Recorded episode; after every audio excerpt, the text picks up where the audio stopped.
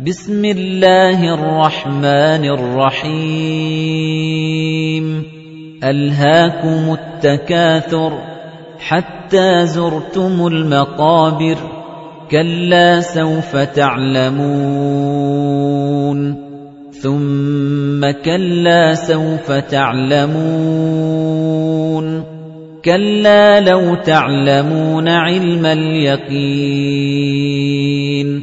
لَتَرَوُنَّ الْجَحِيمَ ثُمَّ لَتَرَوُنَّهَا عَيْنَ الْيَقِينِ ثُمَّ لَتُسْأَلُنَّ يَوْمَئِذٍ عَنِ النَّعِيمِ